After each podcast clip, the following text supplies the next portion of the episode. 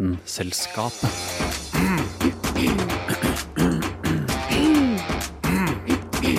Vitenselskapet. Det at planter vokser, er kanskje den viktigste forutsetningen for liv på jorda.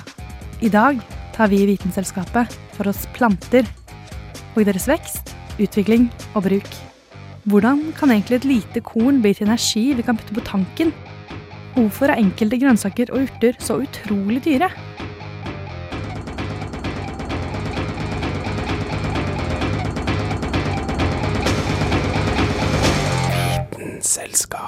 Alt liv her på jorda vokser og utvikler seg. De begynner alle livet som en enslig celle.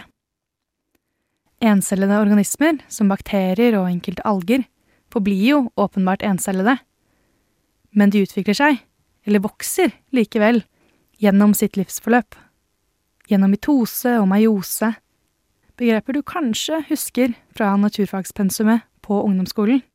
Kan denne cellen dele seg og fordobles, ja mangedobles, og vokse og utvikle seg til for eksempel et helt menneske, bestående av over en billiard celler.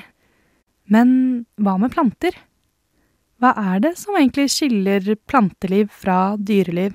Jeg heter Sunniva Solblix, og du hører på Vitenselskapet på Radio Nova. Vitenselskapet. Vitenselskapet på Radio Nova.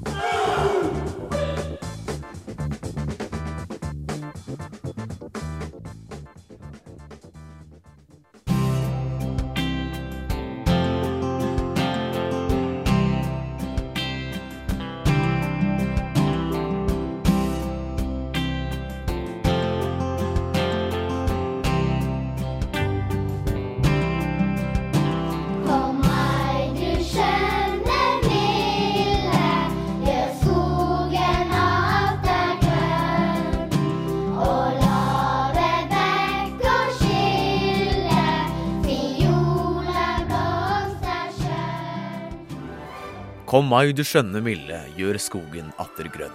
Slik lyder det kjente åpningsverset til det som er kjent som Alle vårsangers mor av Øyvind Norheim. Sangen handler om den våryre og tidvis intense gleden av å atter bevitne grønskens tilbakekomst i Norges ganske land. Med lyset og varmen på den nordlige halvkule spirer og gror det igjen på vårparten, og symbolikken knyttet til blomstring, knopper, spirer og florering er åpenbart i nesten ethvert dikt.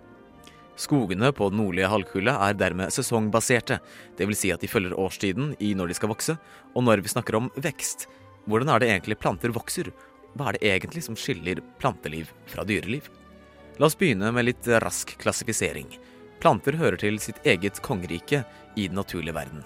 Plantae. De hører inn under området eukaryote, da planter flest er flercellede organismer som består av eukaryote celler. De fleste planter vi snakker om til vanlig, er grønne. Grønt er skjønt, som vi vet, og man kan nærmest snakke om ordene grønn og plante som ekvivalente. Uttrykk som 'det grønne skiftet' er ofte assosiert med planter, planterike og vekst. Bærekraftig vekst. Så for å gå tilbake til klassifiseringen av planter, er de fleste planter i den urangerte ordenen viridiplantae, som kommer fra latin og rett og slett betyr grønn plante. Disse viridiplantae inkluderer blomsterplantene, nåleplanter, gymnospermia, bregner, mose og grønne alger. Historisk sett så hørte planter hjemme i én av to kongeriker som inkluderte alt levende som ikke var dyr, og både alger og sopp var da sett på som planter. Nå er det derimot slik at vi ikke klassifiserer sopp som planter, og mange alger, sånn som rød alge, er ekskludert fra planteriket. Prokaryote celler får heller ikke bli med i plantekongeriket. Videre i den kjente og kjære, for ikke å si rike plantebiologien, kan vi snakke om vaskulære planter, som inkluderer de fleste planter. De vaskulære plantene er kjennetegnet ved at de har kanaler som frakter næringsstoffene. Disse kanalene, plantenes blodårer, er videre strukturert og arrangert på en slik måte at de blir beskyttet av robuste cellulosevegger som er i enhver plantecelle. Apropos robust, så er en fun fact at robust stammer fra det latinske ordet for eik, robur. Muligens fordi eiken nettopp jo er, ja, en robust tretype. Planter får for det meste sin energi direkte fra solen via fotosyntesen, en prosess der planten gjør om solenergi til kjemisk energi for å utføre sine organiske aktiviteter. Den kjemiske energien de konverterer, lagres som karbohydratmolekyler, aka sukker, som syntetiseres fra karbondioksid og vann. Derav navnet fotosyntese, fra latin foto, lys, og syntese, puttes sammen. Et kjent biprodukt fra plantens aktivitet er det usle avfallsstoffet oksygen, et stoff som er nødvendig for så å si alt liv på kloden. Og det er fotoautotrope organismer og celler, som planter, alger og cyanobakterier, som har hovedansvaret med fotosyntetisering på denne kloden. Vaskulære planter kan deles sin i segmenter med bladdelen, rotsystemet, stamme og forgreiningssystemet. Rotsystemet holder planten fysisk fast i jorden, og røttene er gravitrope, dvs. Si at de følger tyngdekraften nedover. Stammen og grenene derimot kjemper aktivt mot tyngdekraften, og er dermed antigravitrope. De reagerer også på sollyset, og mange planters grener, blader og grønsker generelt søker mot lyset, gitt lysestimuli. Planter er skapninger som hører til både oververdenen og underverdenen. Røttene gir mineraler og vann til planten, og bladene gir hovedenergien. Videre har vi plantens indre liv, der bakterier og immunsystem aktivt kjemper mot skadedyr og skadelige bakterier, insektinvasjoner og uønskede beitedyr. Nyere forskning viser hvor komplekst plantelivet kan være, der noen planter faktisk kommuniserer med hverandre over lengre avstander ved å sende ut visse stoffer når de blir spist, for på den måten å advare andre planter i nærheten om rovdyrene kjent som beitedyret. Apropos, når man kutter opp grønnsaker som gulrøtter, så produserer de mer antioksidanter, som kan tyde på at planten ønsker å beskytte seg selv fra skade og eller byttedyr. Når det kommer til hva vi mennesker gjør med planter, så er det mye, alt fra å kontemplere deres eksistens og snakke om dem på radioen, til å nyte synet av blomster om våren, klassifisere planter à la Linnaeus, for ikke å glemme spise dem. Vi spiser noen ganger røttene til planten, sånn som løk, gulrøtter, rødbet og potet. Andre ganger spiser vi frøene til planten, det kan være nøtter, bønner og erter. Og kaffe kommer fra kaffebønnen, so thank you plants. Eller fan-favorite frukt, bær og grønnsaker, som plantene ofte produserer for at dyrene som spiser dem, skal spre frøene som befinner seg på innsiden. Så planter er virkelige gaver for oss i dyreriket. Men hva kan sies om plantesjelen? Grunnen til at jeg tar opp akkurat plantesjelen, er fordi den berømte klassifiseringsfilosofen fra antikken, Aristoteles, delte alt levende inn i tre hovedklasser. Alt levende har sjel fordi alt levende er animert. Det har sitt indre livsprinsipp. Animert, som også betyr bevegelse på latin, gir navn til animasjonsfilmer og anime, men i De Anima beskriver Aristoteles livsprinsippet til planter, dyr og mennesker. Planter har vegetativ sjel fordi de kan vokse ved å ta til seg næring. De kan dog ikke bevege seg og har ikke de korresponderende sansene eller sanseapparatet for å gjøre det heller. De har dyr som har sensitiv sjel, altså knyttet til at de kan bevege seg ved hjelp av sansene og sine fleksible kropper. På toppen er Seff menneskene med vår rasjonelle sjel, i tillegg til de to andre typene sjel. Vi kan fundere, reflektere og tenke gjennom språket, og er dermed for Aristoteles zoon politikon, det politiske dyr. Men hvorfor tar jeg nå dette opp? Jo, for å se på plantene i et nytt lys. Kanskje plantene var mer komplekse enn Aristoteles trodde? Kanskje de nesten kan sies, i hvert fall på noen måter, å være i besittelse av sensitiv sjel også? Forskning på planter øker, og det gjør forståelsen for, og ikke minst interessen for dem også. Planter har bokstavelig talt formet landskapet og livet på jorden, og uten dem hadde ikke vi vært her. Spis opp grønnsakene dine, gutt. Grønt er skjønt. Og denne saken var laget av Vitenselskapets planteentusiast og ivrig forkjemper Dag August Schmedling Dramer. Visst, visst, visst, visst, visste du at? Visste du at? Visste du at hunder slikker seg på nesen for å kjenne lukter bedre? De gjør det fordi luktmolekyler fester seg bedre på fuktige underlag. Det er samme grunn som hvorfor det lukter så utrolig godt ute etter at det har regnet, eller hvorfor prompene dine lukter så fryktelig vondt i dusjen.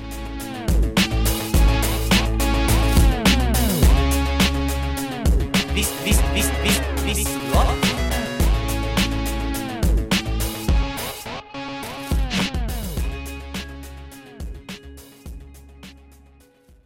Har du noen gang tenkt på at det kan hende at frøene som vokser på åkeren du kjører forbi, ikke dyrkes for å mette magen din, men for å fylle tanken på bilen du sitter i.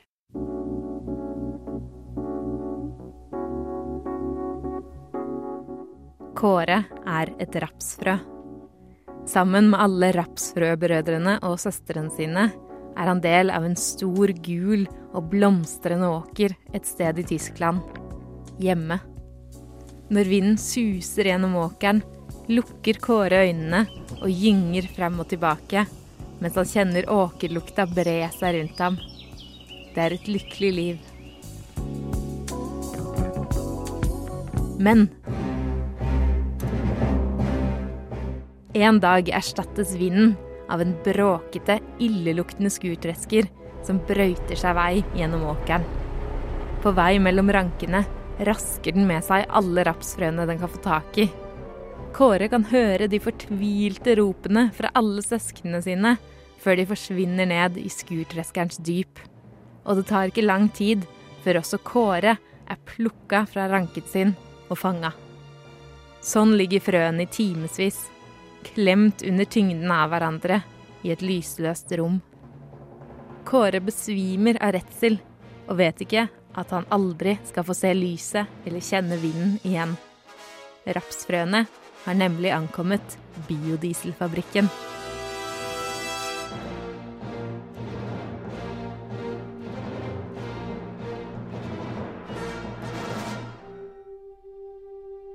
Kåre var en gang en del av en kvadratkilometer stor og strålende rapsåker. Nå er han ikke mer enn et lite frø blant mange, som til sammen utgjør 400 kilo av hva de på fabrikken kaller råmateriale. Råmaterialet, altså Kåre og søsknene, overføres til en maskin som ved hjelp av voldsomme krefter presser dem sammen til frøene sprekker åpne og begynner å blø olje i strie strømmer. De presses og presses og presses helt til det ikke er mer igjen av dem enn olje og tomme skall. Kåre er død. Men oljen inni ham skal leve videre.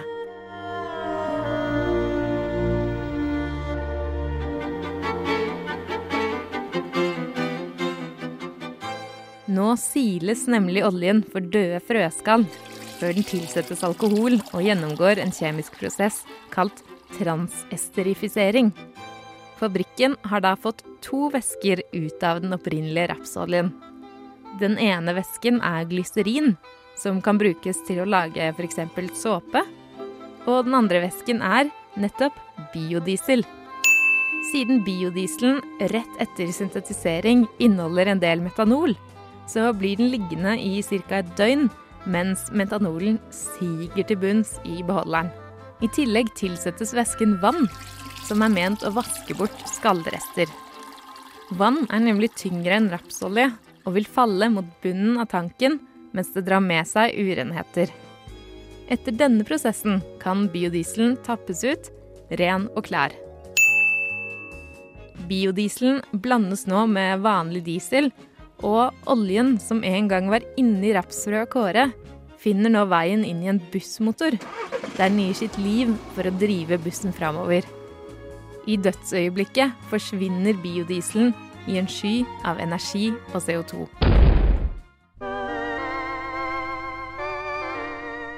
CO2, sier du kanskje nå med heva øyenbryn. Jeg som trodde biodiesel skulle være mer miljøvennlig enn vanlig diesel var ikke Kåres død verdt noe i det hele tatt. Selv om det er riktig at eh, biodiesel slipper ut CO2 ved forbrenning, akkurat som vanlig diesel, så regnes denne drivstofftypen som mer miljøvennlig med tanke på CO2-utslipp. Fordi den CO2-en som slippes ut av raps, er bundet av planter i vår tid, mens CO2-en som slippes ut av oljebasert diesel, ble bundet for millioner av år siden. Vanlig dieselforbrenning bidrar dermed til mer CO2 i atmosfæren vår, mens biodieselforbrenning i teorien skal holde CO2-mengden konstant. Så lenge vi dyrker tilsvarende biomasse som tar opp utslippet. Så rapsfrøet Kåre er kanskje dødt, men han kan med andre ord gjenoppstå. I en ny åker, med ny vind som risler gjennom de gule rankene mens han suger opp CO2.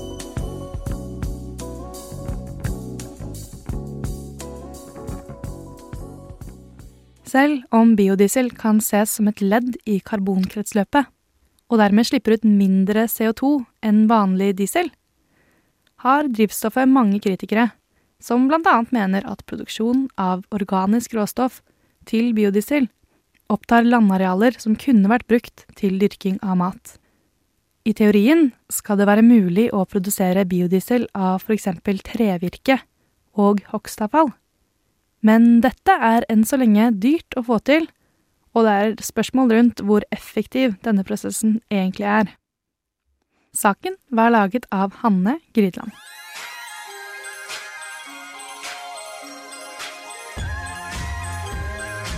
Radio Nova FM 99,3 og radionova.no.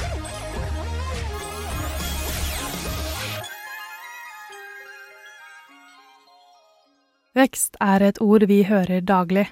Spesielt svulstige statsråder og nådeløse businessmenn er forelsket i dette ordet. Vi må kunne forvente at vi må ofre litt fødselspermisjon for at vi skal kunne opprettholde veksten i dette landet, sier de ofte. Som om vekst i seg selv er det viktigste og beste som finnes. For hva hvis man blir forvokst? Hvem husker ikke den herlige tiden vi tilbrakte som barn? Ingen bekymringer, bare lek og moro. Så mye visste vi, liksom. Men en av de tingene jeg husker best, det som virkelig var stas, det var å komme på besøk til bestemor. Og det staseste av det staselige var når kommentaren kom. Å, så stor du har blitt!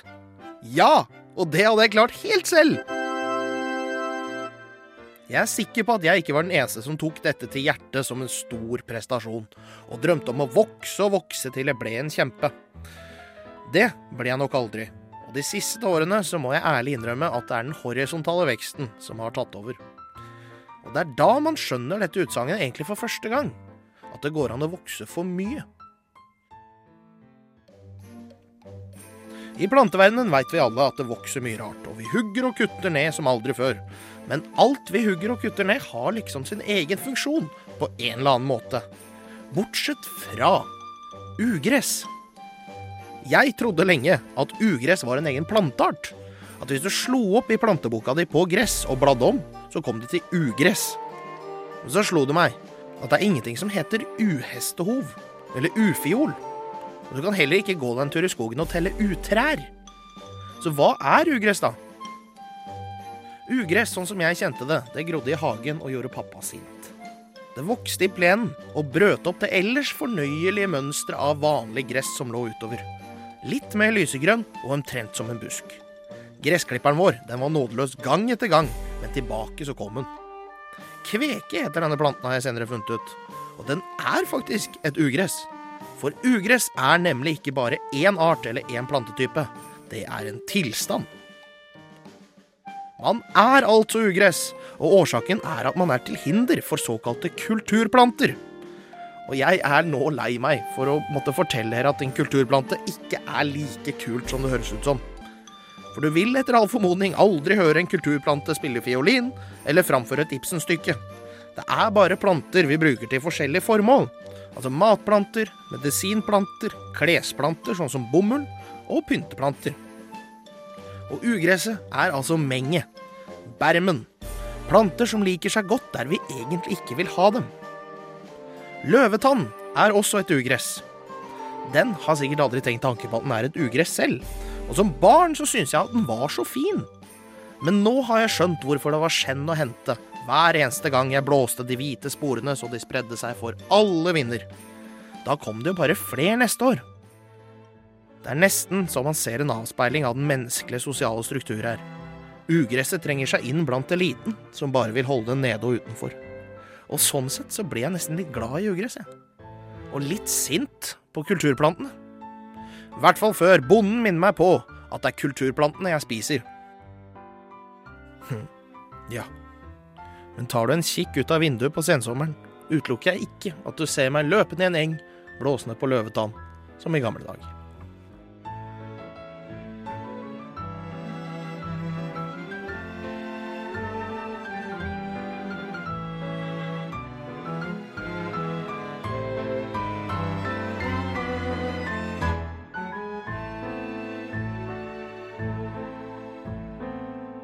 Mannen bak dette innslaget heter Dag Løvold Magnussen. Vis, vis, vis, vis, visste du at? Visste du at? Visste du at månen påvirker kroppsvekta?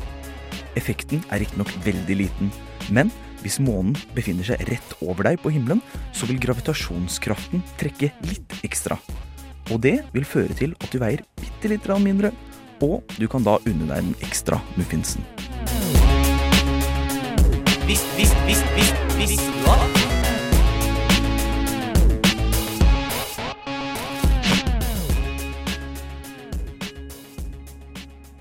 De fleste av oss har nok ved et uhell tatt livet av en plante.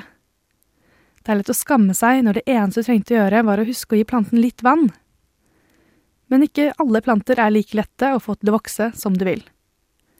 Smaken er en god nok grunn for mange til å gjennomgå strevet. Det finnes derfor matvarer med skyhøye priser, dyrket frem med svette, blod og tårer, men forhåpentligvis mest med kjærlighet, da. Hva er de mest high maintenance vekstene, mon tro?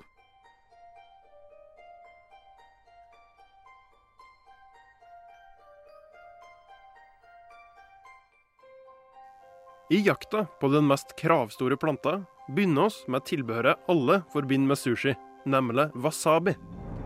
Nå har det seg sånn at det meste av wasabien du får på sushisjappene her i Vesten, i realiteten er sennep og pepperrot som er blanda sammen og farga grønt. Grunnen er vel at virkelig wasabi kan ha en kilospris på 1000 kroner. Ser du nå en gyllen mulighet til å starte en lønnsom wasabiplantasje i kolonihagen din, har jeg dårlig nytt. Den høye prisen er kanskje ikke så rar når en ser på hvor vanskelig det er å i det hele tatt dyrke fram grønnsaken. For det første er det ganske spesielle forhold vill wasabi vokser i. Rota vokser i elvebed med vann rennende delvis over henne. Dette er en botanisk utfordring, særlig i kommersielt øyemed. Dyrkinga krever òg spesifikk luftfuktighet og jordsmonn. Hvis ikke vil avlinga dø hen. Klarer du å få forholdene riktig, tar det fortsatt ett år for rota å modnes. Ikke lett, akkurat. For å gjøre ting enda vanskeligere, er selve frøet du trenger for å starte, sårt å oppdrive. En gårdbruker i USA kunne melde at det tok han seks år å få frø som kunne passe til formålet. Og en ting til om du får i gang ei stor drift. Wasabi er veldig sårbar mot sykdom når den blir avla storskala. Og etter alt dette strevet Når du kverner wasabirota, mister den smaken i løpet av 15 minutter. Ganske eksklusivt, altså. Nå skal vi videre til ei symbiotisk skapning. I skjønn harmoni med trærne i skogen vokser trøfler fram på røttene under bakken. Det kan ikke være hva som helst slags tre heller. Hver trøffelsort har sin venn. Skal du dyrke trøfler på et areal du sjøl eier, må du først fjerne all gammel trevekst samt røttene i bakken. Sørg så for at pH-en er riktig, ca. 8 til 8,3. Så planter du trærne og venter på at de vokser. Dette tar jo litt tid, så fra du går i gang til du får ut ei salgbar avling, går det fort en seks til åtte år. Så må du på jakt. Trøflene vet du jo ikke akkurat hvor vokser på trærne. Du har ikke planta dem direkte. Siden de er under bakken, er det vanskelig å se dem uten Supermann sitt røntgensyn. Da er det bare å lukte seg fram. Men det er òg litt vanskelig å gjøre sjøl. Derfor er det viktig å ha et veldressert dyr. Ei purke funker bra for jobben. Griser er jo glad i å rote rundt under bakken. Hunder, kjent for luktesansen sin, takler òg jobben godt etter de er trent til å kjenne igjen trøffeleimen. Når du så har blitt dratt til trøffelen, må du sjekke at den er moden. Gitt at den er det, tar du den veldig forsiktig ut, uten å forstyrre jorda rundt. Så kan du nyte den på pastaen, eller selge den for en fin profitt. Den mest kjente av dyre matvarer er vel kanskje krydderet safran. Originalt fra Sørøst-Asia hadde denne planta seinere blitt kultivert lenger vest, rundt Middelhavet. Planta, som er krokusfamilien, er faktisk ikke den verste å dyrke. God jord, nok vann og solljos får deg langt. Grunnen til eksklusiviteten er den etterfølgende behandlinga. Hver blomst har tre arr i midten. De små bitene som stikker opp mellom kronbladene. Den må så ømfintlig og forsiktig bli rista tørr før den er ferdig til bruk. Hver plante gir ikke så mye safran, som du kanskje skjønner, så derfor må prosessen gjentas til det kjedsommelige. Det skal over 160 000 blomster til for å få en kilo med safran. Er det rart at gramsprisene er sammenlignbare med narkotika?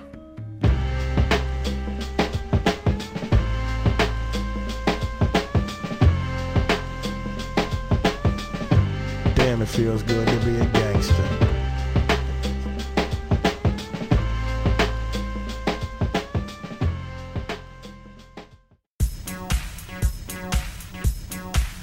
Hæla i taket med Vitenselskapet.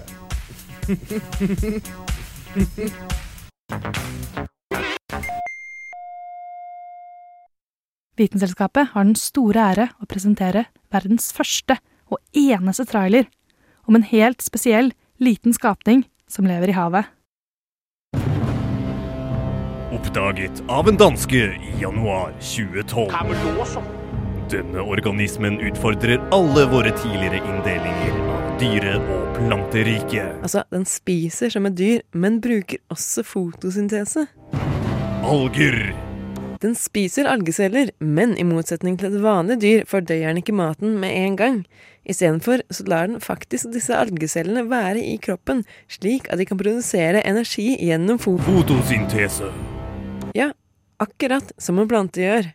Men etter hvert så fordøyer den disse algene, noe som gjør den til Delvis plante, delvis dyr. Superraskt pløyer den seg gjennom vannet på jakt etter sin neste alge. Jeg tror ikke den er så veldig rask. Den svømmer ved hjelp av hundrevis av hår som den har på kroppen. Denne hårballen lar seg ikke stoppe av noen. Teknisk sett lar den seg fange. Problemet er bare at den dør etter noen måneder i fangenskap, og ingen veit egentlig helt hvorfor. Fra havet rundt Skandinavia og Nord-Amerika kommer Mesodinium chameleon. Ok, noen burde finne opp et litt bedre navn enn det der. Kameleonfnugge.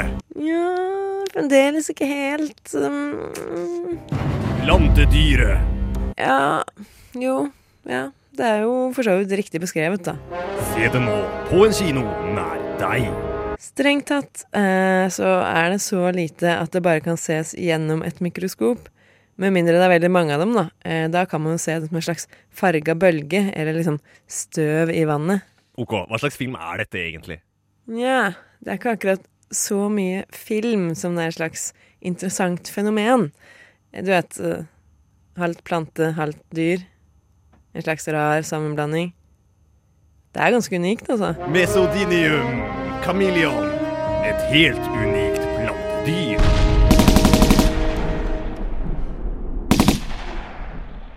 Vitenselskapet. Nei, nå har denne sendinga vokst seg så stor at det ikke har plass til flere saker. Men frykt ikke. På Soundcloud eller i podkast-apper finner du alle våre tidligere sendinger. Og Vitenselskapet er tilbake neste uke for nok en spennende sending. I mellomtiden må du gjerne sjekke oss ut på Facebook eller Instagram under navnet Vitenselskapet, eller på radnova.no slash Vitenselskapet. Vi høres! Vitenselskapet.